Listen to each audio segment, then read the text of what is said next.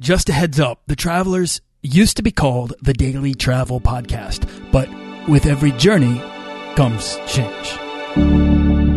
This podcast is produced by Holocene, a community of creative travelers. If you want to get serious about planning that next trip, writing that book, starting that creative project, or launching that business, we're breaking down the barriers between where you are where you want to be together at joinholocene.com. That's join, H O L O C E N E.com. This is episode 46, part two of my conversation with Gary Bembridge. You want to travel further and more often to visit new places and meet new people and expand the role that travel plays in your life? I'm your guide, Nathaniel Boyle, an explorer that wants to help you get out, see the world, and find meaningful, life changing experiences. Everyone wants to be adventurous and have great stories. To do the stuff of legend. This is the Daily Travel Podcast. Now, before we dive in, if you want to get started earning frequent flyer miles or points to travel for as close to free as possible, then you can head on over to dailytravelpodcast.com and sign up for the weekly newsletter and get my book, The Beginner's Guide to Points and Miles, completely free. Gary Bembridge has been traveling every month of every year for the past 20 plus years. It, it, used to be as a business traveler doing global marketing. Nowadays, he's an independent consultant. And for the past nine years, he's been running tipsfortravellers.com, a website and podcast to share his best advice from his own travels. So, Gary, I want to talk, while I have the chance, I want to talk about your expertise very briefly, which is, and beyond cruises, obviously, which is a vast expertise, uh, which is how to be a better travel blogger, or in my case, podcaster. So, do you mm-hmm. see a way in which a travel podcaster should go about building his or her resource any differently than a blogger? I, I think, I mean, it's, it's interesting because when, when I first, I mean, I started originally as a podcaster and then sort of got into video and then, and then did blogging. And my, my assumption had always been that kind of the audience who was listening to the stuff I was doing across the different platforms was the same. And then the more I sort of uh, researched and learned about my audience, I realized that they are actually different people.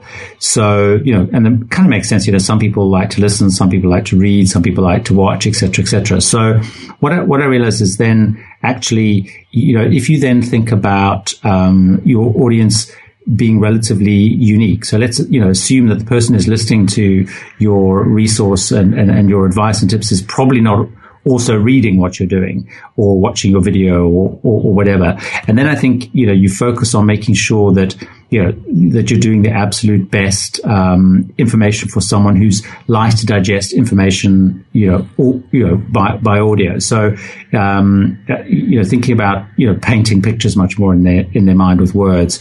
And I think also, you know, the practical thing, and you've already mentioned that with show notes is the fact that probably most thinking about how people are consuming, which is they're likely to be consuming on the go or on the treadmill or, you know, on the bus on the way to work or the metro or whatever.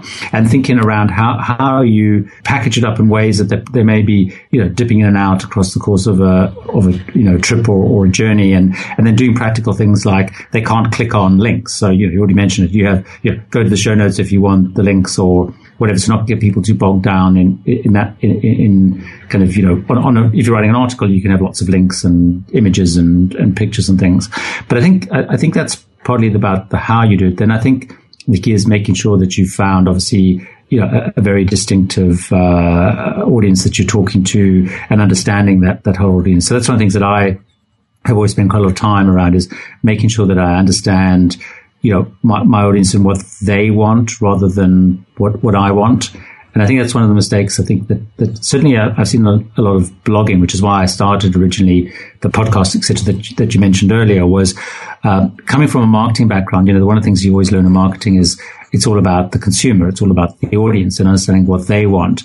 And, and the more I started going to blogging conferences and, and whatever, I heard a lot of talk about what bloggers wanted and what they were doing rather than the audience. And I think that's the secret is, you know, really, really understanding who is your audience, who do you, you know, what, what really turns them on and what do they really, really want? And then making sure that you, you're absolutely giving that to them. So, for example, just, on my podcast, for example, what, what I learned with my audience is my audience is not the most adventurous audience. I'm not saying that in a negative way. What I'm saying is what they, they're interested in is is they're interested in seeing the absolute must do things that they must see. So if they're going to Barcelona or Ho Chi Minh City, for example, they're not interested in necessarily in, in the unusual, out of the way, uh, you know, little uh, alternative art gallery. They want to make sure they've seen the absolute iconic things to see. And I guess, you know, my audience has found me a little bit because that's what I used to do when I went traveling. So, you know, you, you kind of reflect your audience a bit, but I know that when I talk to my audience in the podcast or I talk to them, uh, you know, the, the, video, I will always focus on here's the absolute things you must do. And if you're only going to do two things, do these two, two things. Don't worry about these things. And here's the best way to get there. And, you know, so, so it's kind of that sense of finding what is, what is that actual hook that, that really gets the, you know your particular type of of, of, of traveler turned on, um, and and you know, so that's probably the biggest tip I would have is is really understand that kind of that that nuance of of um, what is it about the, the, the, travel they do. And one of the things that I, I used to say to people when I've spoken at some of the travel blogging conferences, you know, if you go to something like uh, TBEX, uh, you know, the big travel blogger conference in North America. Right. The last one, you know, I think was, uh, you know, in Toronto. I think it was the last North American one. That and, sounds right. And there was, what is, I think, 1,400 bloggers there or something, 1,200, 1,400. I can't remember what it was. Wow. And, and the point is, you know, so you've got 1,400 bloggers are all going to write about Toronto. And the issue is you need to write about something that's different. But if you understand your audience really, really well, right. And I know that my audience is listening to what I talk about on Toronto. I know what they're interest, going to be interested in and making sure that you're giving that to them. Um, and then the person sitting next to me may be talking to people who are, I don't know, into the, into the fashion or they're into, into, into organic food or whatever it is. You know what I'm saying? So it's finding, I think that's the big thing is finding that real, very, very, you know, granular, um, thing about the, your audience and, and, and your traveler. Um, and I think that's a big opportunity because big travel sites, big, you know, radio, radio shows, uh, if you're talking about audio, you know, big radio shows can never do that because they've got to talk to mass audiences. Um, and I think as podcasters, that's a big opportunity is, is finding that kind of that granularity. Yeah, absolutely. Gary, you and I both have backgrounds in marketing and my kind of my my experience has always been that the content you produce whether it's a blog post or a podcast episode, it must be relevant to the audience's needs, desires, to the story of your audience. If you can connect to that story with, with whatever you're bringing to the table. So rather than write about your own travels, instead focus on, uh, how your experience can inspire or help or serve your audience. Absolutely. And, right. And then understanding, I think it's really interesting. You said first was about almost about consumption habits that different people have and the way the consumption habits define the style of traveler that your respective audience might be. So my audience has a smartphone or a car podcast player. So what does that say about them? You know, who who are they and what is possible with an audience like that? And I that's that's great advice. You've got me thinking in the right direction now. I've heard a lot of naysaying about travel blogging as a whole. And some of the most successful travel bloggers have told me personally that the best advice they have for anyone interested in travel blogging is to go back in time and start in 2008. And it gets too late and that the market's too saturated. Um, I think with the rise of points and miles bloggers, travel hacking, as well as podcasting and video, I believe the door is still open to people who can differentiate themselves and their content. What do you think about this? Yeah, it's interesting. I, I, mean, and I think it's a really, it's a really, really interesting one. I think every blogger has to wrestle with exactly that that issue.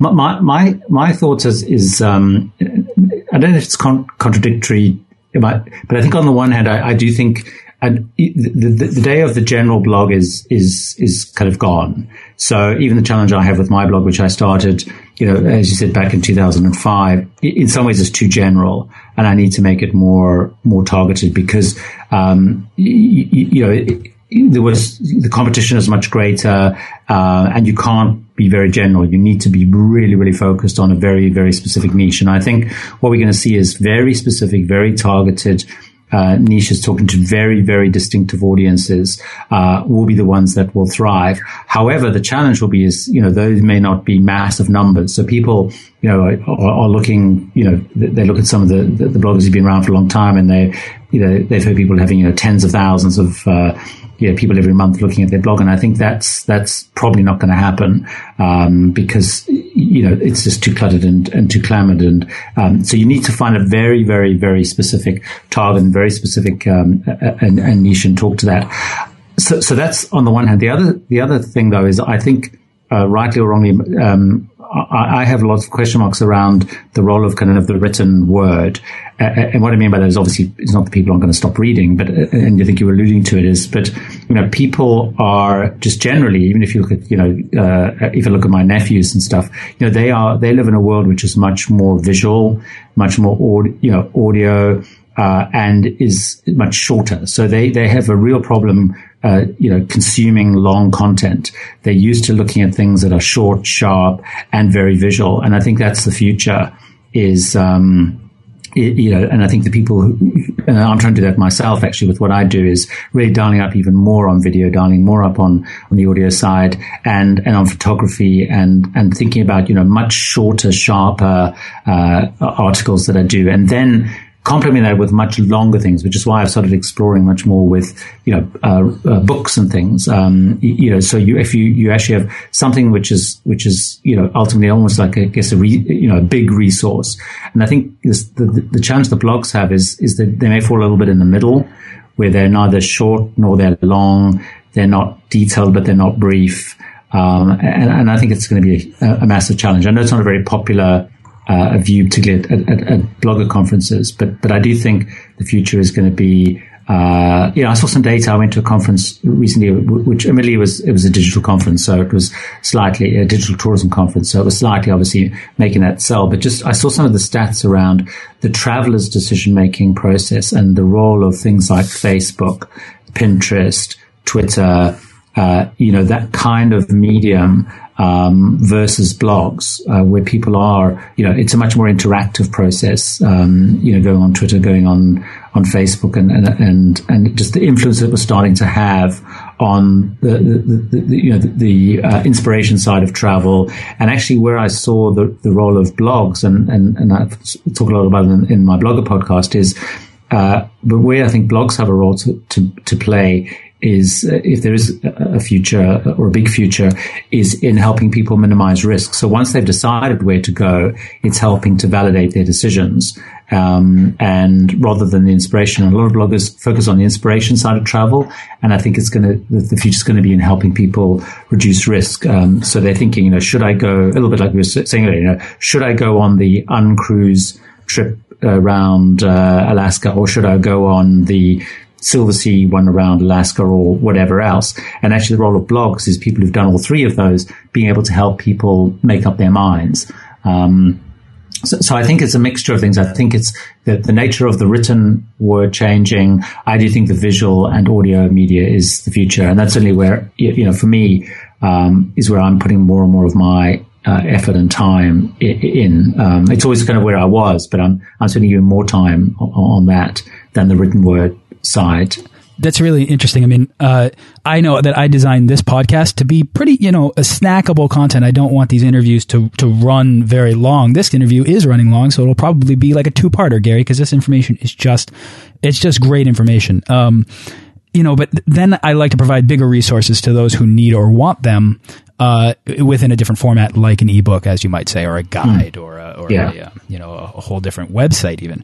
Um, I guess my question then as a podcaster, I have to ask this. Have you had any success working with travel brands as a podcaster, not a blogger?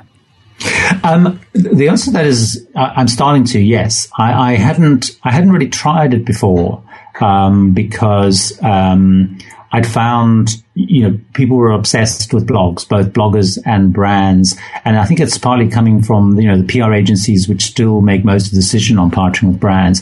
Their background is obviously print media. Um, and so they were always much more comfortable with the written word and the blog, something they could sort of touch and feel and, and, and whatever. And also, it, you know, it was relatively easy to get good stats on that. But I think what I'm seeing increasingly now, whenever I I talk to, to brands is I make a big point about um, uh, the role of of, of uh, the, the, the podcast, partly because it's it's growing, uh, and I think podcast is growing, but also the competition in reality is quite small because uh, I, I, can't remember the stats, but I think it's something like for every one podcast, there's I don't know 100, 200, 300, whatever blogs. That's right. Yeah, uh, and it's probably even bigger than that. I think it's probably thousands. Yeah, I think it's thousands. I think you're right. I think it is thousands. So, so actually, the, the ability to stand out is is is is, is much greater, and I'm finding that increasingly brands are becoming interested. So when when I when I pitch to a brand or or for example, I'm I, am you know, I'm heading off doing on a river cruise actually uh, in a week's time, and and part of that whole discussion was around uh, the role of the podcast um, and the role of video. And actually, the, what I found is the discussion around the blogging part became much smaller. So it was more probably around the audio visual side than the podcast specifically.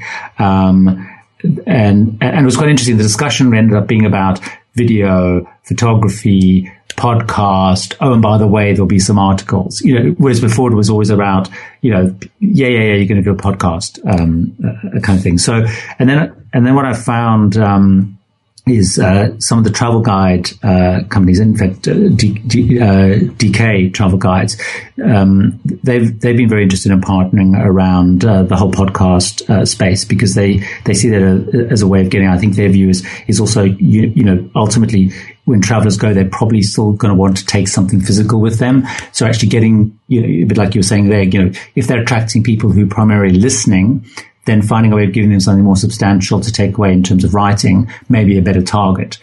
Uh, you know, than trying to get a blogger, you know, then targeting people through the blogs where people are already reading. I don't know if I've explained that very well, but um, yeah, yeah, yeah, yeah. I get it. I mean, do you think that the travel industry is a step behind the marketing world in digital trends? Because it sounds as if you're suggesting that they're starting to recognize the value of the new mediums of podcasting and blogging. Yeah, I think. I, I mean, I think. I think they definitely are, um, and I think that's partly because the model that, and I saw it a lot when I was in, in, in marketing in multinational corporations is, you know, the model that kind of all the senior management had grown up on uh, had always worked, and so it's always hard to adjust. So in in travel, and you know, when I look at cruising or other, other travel brands, you know, the the the I use cruising example actually, just and to, to, make my point. But in in cruising, the cruise agent is very influential, and what's really and and and traditional print media has been very in, influential, and people are finding it very hard to break that model of you know, I put all my money into the agent, I put all my model into the, you know, the, the newspapers and magazines and actually, um, and I know it works. I, I, it's still hard to measure, but people have grown up knowing that it works. And then when they start to move money away, um, it's still hard to know how do I measure it. So how do I measure the impact of a, podcast? How many uh, you know uh, bookings has that driven, or how do I measure the impact of that blog? And actually, it's very easy because um, one of the things you can do is is is build in links which say actually, or when you book, mention that you heard it on this podcast or whatever. And I think I think that will change as they start to embrace it. But I would say they're definitely and and it's it's very risky. And the brands that are embracing it more are actually, ironically, the brands that have the least budgets because they need to experiment. Um, and and so I'm seeing actually some of the most innovative brands uh, with social media are brands who are doing it largely because they were struggling from a budget perspective. They couldn't afford all those big print media and print advertising and stuff, and and they're starting to see very exciting responses. I, I think. Um, yeah, that's that's smart for the smaller brands to try that because it gives them a way to connect to an audience on a more personal level through audio exactly. and through visual, then uh, and, and compete and then enter the market and compete against the big guys who you know have uh, two thousand guidebooks to cover the entire world, right? Exactly. So exactly. you said this is going to be my last question on this, but I, am just so curious. You said uh, when I pitch to a brand, are you ever approached by a prospective partner? Yes, yes, I uh, yes I am, um, and um, it, so I, do, I, probably I'm trying to think. I probably get approached more than I pitch now, oh, which wow. is which is which is encouraging. Very, um, uh, and, and, I think it's a bit you know it's a bit like you know sort of. S- success drives success, and that's why um, you know as people start to see, um, you know, or I guess they believe there's an impact on on sales or whatever, and so I start to get approached uh, much, much more. But but I still, but I would sort of the, if there's brands that I want to work with, I, I do try and pitch them. Um, uh, but, but it's sort of starting to shift. Um, I'm hoping it shifts more because obviously being approached is much easier than pitching. That's right. yeah, abs absolutely. All right, Gary, this has been like a wealth of information, and we've definitely run a bit long. Now, I have mm -hmm. a mm-hmm. uh, I have a, a, bit of a lightning round at the end if you're interested in doing it, but if you're out of time, I understand. Yeah, no, I'd love to do this. Yeah. All right, let's have some fun then. This is the part of the show where we're going to boil down the how and the why of travel into pragmatic advice. So I'll give you a series of questions, and you'll give me your best travel tips. Sound good? Okay, I'll try. All right, here we go. For a lot of people, taking that first step out the door can be the hardest part of travel. So, what's your advice for anyone dreaming to take the first step to becoming a world traveler? The first step to becoming a world traveler, I would say, is get a passport uh, and do it. It's so simple. I mean, the first the answer to that question is almost always buy a ticket, get a passport, yeah. set a date, right? Put aside yeah. some money. It's the, yeah. It, you really just have to make that commitment. Yeah. Okay, so then the biggest hurdle for most people who want to travel more is cost. Do you have a secret money saving tip or a travel hack that you use? I wish I did. uh, air miles. Um, I would say my biggest tip is is is, is air miles. Uh, one of the things I do uh, religiously is is work air miles. So I have a credit card which everything I, I try and put everything on the credit card because it earns me miles. And I've traveled huge uh, around the world, seen lots of places through kind of points and air miles. So in different countries of the world, you know, like eh, certainly in the UK, you know, you can collect points when you buy your groceries. Uh, which you can convert into, you know, frequent flyer miles, frequent hotel miles. That, that I would say is the key thing is think about the stuff you're spending anyway, and how can you make sure that you're earning miles, which you can convert into travel, would be my my biggest tip. Absolutely, don't fly without earning. Optimize your spending, all of it, to earn you the most uh, points and miles that you can get. And if you know you want to do that more often, you can go to dailytravelpodcast.com. You can get the free book. It's forty thousand words just to get you started. It's uh, 40, uh, 40 pages, and uh, I hope that is going to be helpful to somebody just to get them started. Because if you're flying and you're not earning, then I mean, there's it's a crazy. lot. It's crazy, and there's a whole lot of free travel opportunities that exist for uh, for Americans, for Brits, for for a lot of international uh, people. So, Gary, packing is easily my least favorite part of travel. Do you have any advice to help people pack better? The thing I always work on is assume that you're that you're never going to check luggage in. Is is always my tip, and start and start with that mindset is uh, so because then you take the least you possibly can, um, and the assumption that whatever you've left behind you'll be able to buy. I love that. I mean, I, I do, especially when you go to cheaper destinations. Packing for me, packing sunblock, for example, is is unconscionable because you can't ever carry it on. Um, you know, you have to check your bag, which is then going to cost you more time. And if you've packed light but you bring sunblock, just just buy sunblock there. Even if you're going to a resort, I feel like it's worth the upcharge just to not have to worry about packing it and to pack lighter and carry on. Save yourself the time, make yourself more mobile. And also the other thing I do with packing, I, I, I spend more time being obsessed with making sure I've taken things like my chargers and um, that kind of stuff because that's really hard. If you've traveled somewhere without your phone charger or your laptop charger or your camera batteries or whatever, I'm more obsessed with that than my kind of clothing things because those you pretty much can, as you say, you, you know, toiletries, clothes, you can always pick up, you know, you can find a way of picking up inexpensively. But if you've left your chargers behind or something like that, then you have a real problem. That's a good one. All right, Gary, uh, you can think about this one. Do you have a favorite internet travel tool or resource? You know, it's, it's going to be a strange one. It's Google Maps. That's a great one. Yeah. I, I use Google Maps massively when I'm traveling all the time. For navigation, for exploration. Yeah, for everything. Like, you know, how far are things away? How long is it going to take me to get there? You know, is it worth thinking, you know, do I need to get a taxi from the, the you know, how long is it going to take me from the airport to the hotel? Is it walkable? Is it whatever? Uh, you know, I use, that's probably my most, my most used travel tool is Google Maps, I, I think. Well, you know that you can, when you're hooked up to a Wi-Fi connection, you can download the map of wherever you are. And then when you go offline, if you don't have a data plan or, or you're in a country in which you, you, you know, you want to switch your phone into airplane mode or whatever, that map will still be there. So you can then open it up and it uses GPS without using any data to identify where you're at. So the little blue dot on your iPhone or whatever will still appear on that map for me, that's a great that's a great travel tip because once I, I opened my, my my phone up and I was like, "Am I using data right now?" And then I figured out I was not. It's a great tip that actually because I discovered that by um, I didn't know that at all, and I discovered it by chance when I got lost.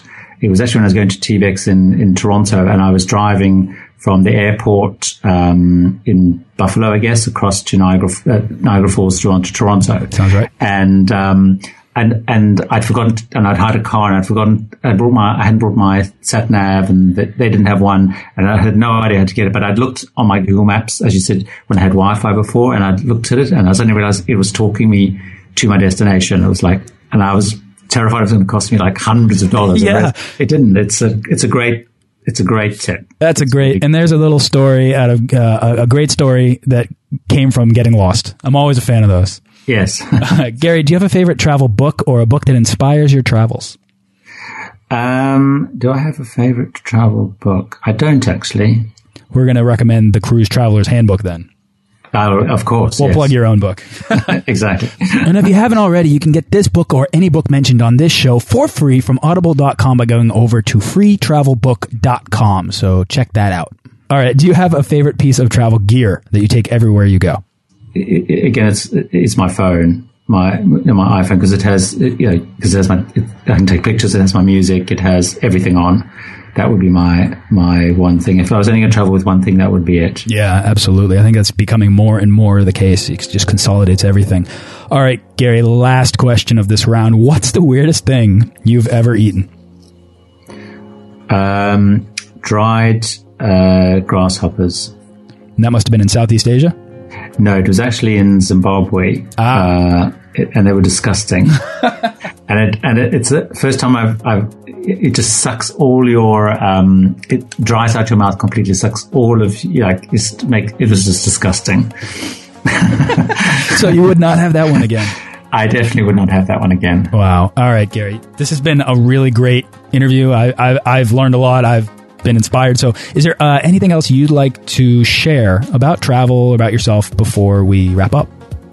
No, I don't think so. I, I, think it's been. I've really enjoyed it. It's been good fun. Yeah, we've covered a lot, a whole lot. So, what's next for you? Where's your next trip? What's your next project? So my next uh, my next trip is um, uh, a river cruise down the Danube, um, just over a week's time, um, which I'm really looking forward to because um, uh, I haven't done much river cruising, so I'm, I'm, really looking forward to doing that. So that's my that's my next project. Yeah, that sounds really nice. I can't wait to follow you and do that. So where can people go to find out more about you and watch your river cruise? Um, the best thing to do is to go to my site, uh, which is tipsfortravellers.com. And as I always say, it's the UK spelling, so two L's. So tipsfortravellers.com. That's a good. That's a good catch. Do you have the other domain? I don't. No, ah. I don't. No. Someday. yeah, exactly. Because I started my podcast as Tips for Travellers, and then it was only later on I realized that I I didn't have the Tips for Travelers with one L. Got it. All right, Gary. Thanks so much for coming on the show. I really appreciate it. Great. Thank you. Thanks very much. Thanks for listening to this episode of the Daily Travel Podcast. For show notes and links to everything in this episode and more, head on over to dailytravelpodcast.com. Join our Facebook page of explorers and subscribe to our newsletter for the best deals and resources to help make your next trip life changing.